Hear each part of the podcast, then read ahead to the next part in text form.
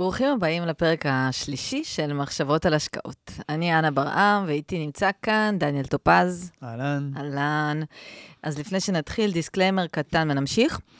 כל מה שאנחנו אומרים כאן בפודקאסט הוא על דעתנו בלבד, ולא מהווה בשום צורה, באופן אה, כלשהו, מידע שיש להסתמך עליו, וכמובן גם לא מהווה תחליף לייעוץ או שיווק השקעות, שצריך להתחשב בנתונים ובצרכים המיוחדים של כל אדם.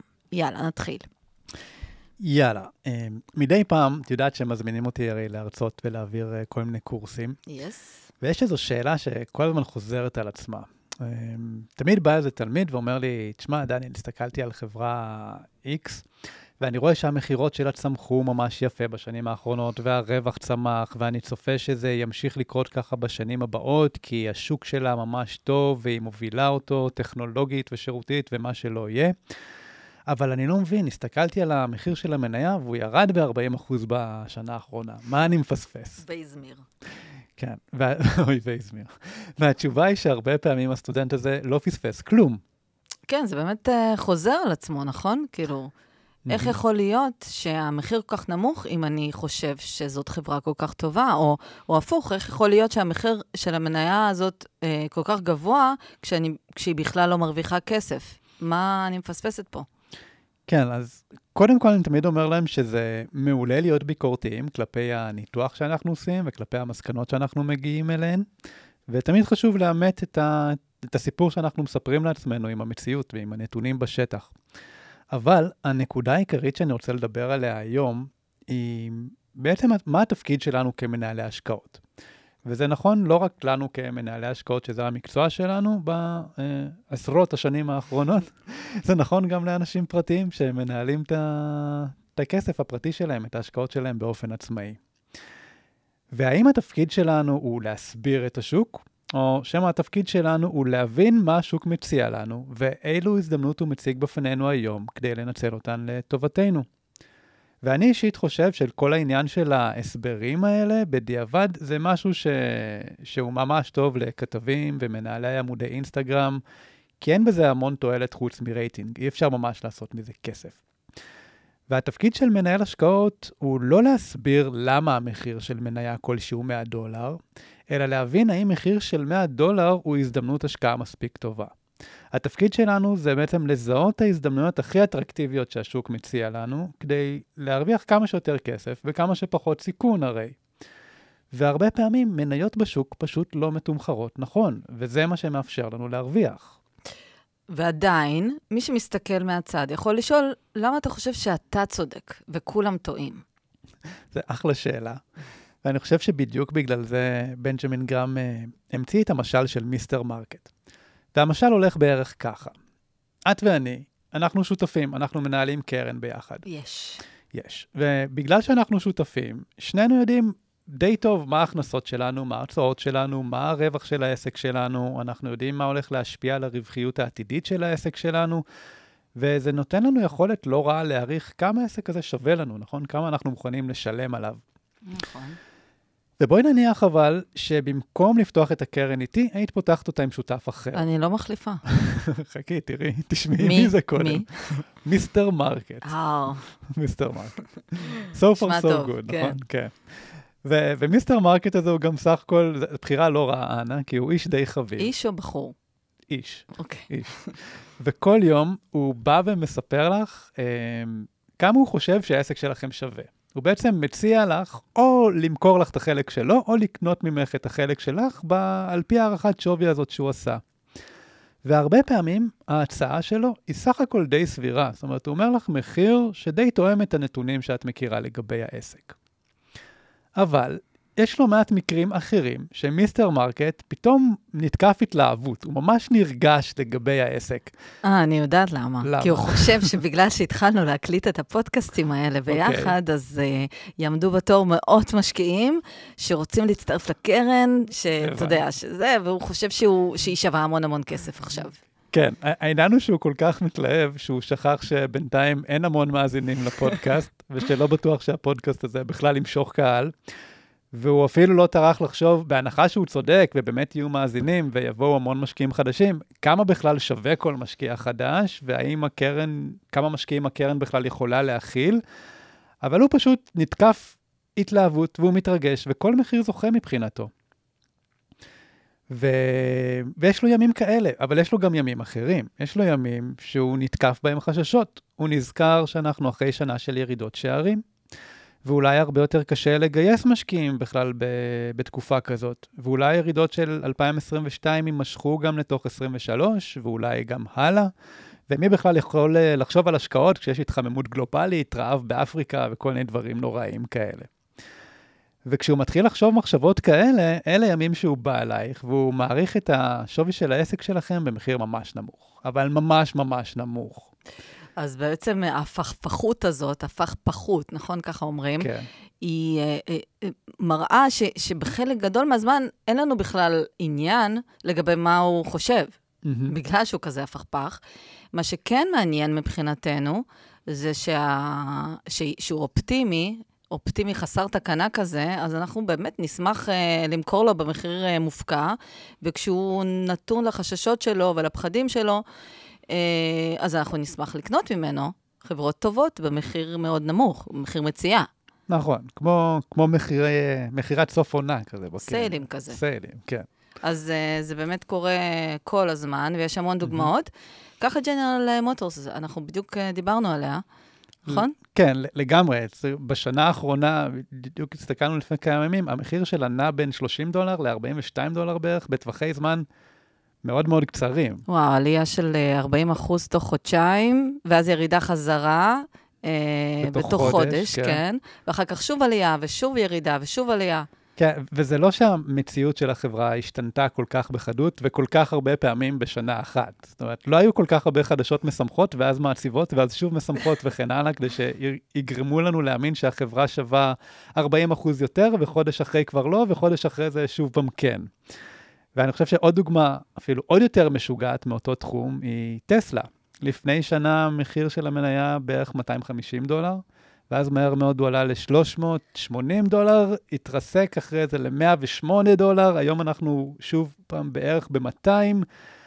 אז מה נכון? ה-380, ה-108, זאת אומרת, החברה שינתה את, היכולת של החברה למכור מכוניות השתנתה בצורה כל כך דרסטית שוב ושוב במהלך השנה, זה, זה לא הגיוני, לא נכון? הגיוני. לא. אז בעצם אנחנו, ה Mr. Market הזה, בגלל ההתנהגות הלא הגיונית שלו בטווח הקצר, אה, מייצר מציאות.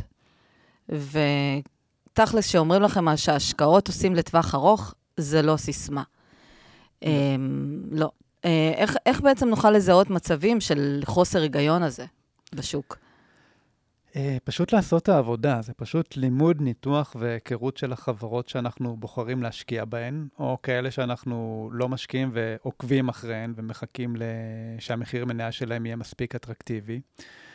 ואנחנו צריכים להבין כמה הן שוות לנו, כמה אנחנו מוכנים לשלם עבורן, אה, איזה מחיר מבחית, מבחינתנו משקף פוטנציאל תשואה שהוא מספיק אטרקטיבי, בסיכון מספיק נמוך, ורק אז אה, לקבל החלטות השקעה, ולא אה, לא, לא להתרגש מכל ירידה או עלייה במחיר. אוקיי, אז אני, אני רוצה רגע לסכם את המאפיינים של Mr. Market, ברשותך, ברשותכם. בטווח, אה, בטווח הקצר הוא פועל כמו טיפוס רגשן, פרוע, שיכול לקנות או למכור מניות במחירים נמוכים מאוד מאוד, או מנופחים. ובטווח הארוך זה סיפור אחר לגמרי, כן?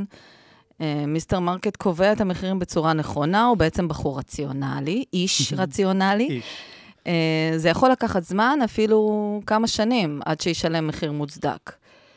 אבל פה עולה השאלה, אם Mr. Market כל כך לא החלטי, אז איך אפשר בכלל לדעת שהוא בסופו של דבר באמת ישלם לנו את המחיר המוצדק? אז אם נעשה את העבודה שלנו בצורה טובה, זאת אומרת, נעריך את החברה וכמה היא שווה בצורה מספיק טובה, בסוף Mr. Market יסכים איתנו, כי עובדות ומציאות משתלטים עליו. הוא באמת יכול להיות אה, סופר רגשני אה, בטווחי זמן קצ- קצרים, למשל, אה, חברה שמודיעה על איזה חדשות רעות או, או משהו כזה.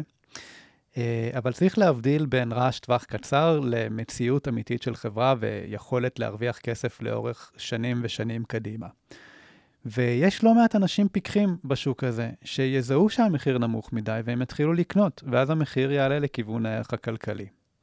וזה לא תמיד קורה מהר, כי לפעמים משקיעים שהם פחות מנוסים, או שפחות חקרו את החברה, נבהלים בגלל אירועים קצרי טווח, שלא באמת משפיעים על היכולת של החברה להרוויח כסף בטווח הארוך. ואז ההתאמה של המחיר יכולה לקחת לפעמים קצת יותר זמן. ומעבר לזה גם יש את המנגנון של ה-buyback, חברות שרוכשות את המניות של עצמן. אז בואו רגע באמת נסביר את ההיגיון שמאחורי ה-buyback. אוקיי, okay, אמ, אז קודם כל, buyback זה מן הסתם, אם החברה רוכשת את המניות של עצמה, אה, אז לפני שנסביר בדיוק מה המשמעות של זה, זה יכול לקרות רק לחברות שיש להן כסף, נכון? חברות שיש להן רווחים, אה, שעל בסיסן אנחנו מעריכים את השווי של החברה. אם לחברה אין כסף, אין רווחים, יש חובות או משהו כזה, היא לא תוכל, לה, לה, יהיה לה הרבה יותר קשה לעשות buyback או לרכוש את המניות של עצמה, ולכן גם יהיה הרבה יותר קשה לתת לה אה, ערך כלכלי גבוה, כי אין לה רווחים, יש לה חובות, אה, זה די ברור. ובייבק זה בעצם, ניקח חברה, הרוויחה, אמ, בואי נגיד, מכרה את המוצרים שלה, את השירותים שלה, ואז השקיעה כל מה שהייתה צריכה להשקיע במשכורות, שילמה משכורות לעובדים, הוצאות מחקר ופיתוח, בנתה מפעלים, שיפצה משרדים, עשתה כל מה שצריך לעשות, ובסוף שנה עדיין נשאר לה לא מעט כסף. אז את הכסף הזה יכולה או להחזיר לנו בדמות דיבידנד, זאת אומרת, כסף מזומן שנכנס לנו לחשבון, ממש כמו שכר דירה, אם מקבילים את זה לנדל"ן. והאופציה השנייה היא לרכוש מניות, היא לבוא לציבור, ה... לציבור שמחזיק מניות של החברה ולהגיד, אנחנו מוכנים לקנות, וכל מי שרוצה לממש את ההחזקה שלו יכול למכור לנו. ובעצם יש פה עוד שחקן בשוק שיוצר ביקוש ויכול לדחוף את מחיר המניה למעלה. עכשיו, למה, אה, למה זה טוב לנו בתור משקיעים? בואי נניח שיש חברה שהרוויחה מיליון דולר בשנה האחרונה, ויש לה בדיוק מיליון מניות. כן. זאת אומרת, כל מניה בסוף שנה זכאית לדולר אחד. מיליון דולר רווח חלקי מיליון מניות, נשאר דולר לכל מניה. ואם לחברה הזאת היה עודף של, אה, אה, עודף אה, של כסף, והיא הצליחה לקנות בשנה הבאה 100 אלף מניות מתוך המיליון שהיו לחברה בשוק, אז בשלב הזה כבר יהיו לחברה רק 900 אלף מניות בשוק, נכון? אבל היא עדיין מרוויחה מיליון דולר. אז עכשיו את המיליון דולר האלה לא מחלקים למיליון מניות, מחלקים ל-900 מניות, כי זה מה שנשאר. וכל מניה זכאית ל-1.11 דולר, ולא רק לדולר אחד. זאת אומרת, יש פה מנגנון אמיתי שמעלה את הערך של כל מניה שנשארת בשוק.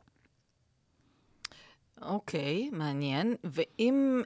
המחיר של המניה לא יעלה מספיק מהר, למרות המנגנונים ש... שדיברנו עליהם, גם יכול לבוא הרי גוף ושירצה לרכוש את כל המניות של החברה, במידה והם, והמחיר מאוד נמוך. נכון, ובעצם שלושת הדינמיקות האלה הם גורמות ב... רציתי להגיד ברוב המקרים מטעמי זהירות, אבל תכלס, אם נסתכל על טווחי זמן ארוכים מספיק, אז, אז אני לא זוכר על מקרה שלא. כל הדינמ... שלושת הדינמיקות האלה יקרבו את החברה לערך הכלכלי שלה. לפעמים זה יקרה מאוד מאוד מהר, לפעמים אפילו מהר מדי ויהיה overshooting, והמחיר של החברה יהיה אפילו אמ, מנמוך לפתאום מופקע בטווח זמן מאוד אה, קצר, ולפעמים זה גם יקרה לאט. אה, מעולה. אה, אנחנו בעד שזה יקרה. שזה, יקרה, שזה כן. יקרה. אז אני רוצה לסכם ולומר שהמשקיעים בשוק יכולים לספר לעצמם בעצם כל סיפור שירצו, אבל בסופו של דבר, אה, כל סיפור יפגוש מציאות, כמו שאמרת. לפעמים מהר יותר, לפעמים אה, יותר לאט, והמציאות הזאת יכולה, היא, היא, היא בעצם היכולת אה, של החברה להרוויח כסף באופן עקבי. ואם החברה תרוויח כסף ותדע להגדיל את הרווחים לאורך השנים, אז זה יבוא לידי ביטוי במחיר המניה. ואם לעומת זאת היא תפסיד כסף באופן עקבי, אז מחיר המניה שלה ישקף את המציאות העגומה הזאת, כן? לגמרי. ובעצם היכולת אה, של מנהלי השקעות להצליח לאורך, אה, לאורך זמן במקצוע שלהם, תלויה גם בלקוחות שלהם.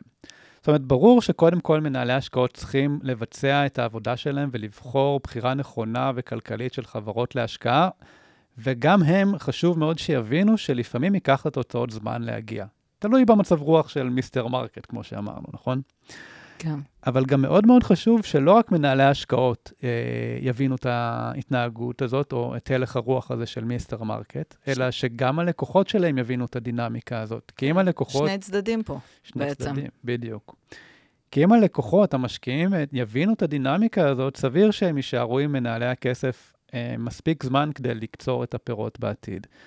ולקוחות שלא יבינו את הדינמיקה הזאת, יכול להיות שפשוט אה, יעזבו את הספינה בדיוק לפני ש... לפני הזמן. יעזבו את הספינה בדיוק לפני שהיא ממריאה.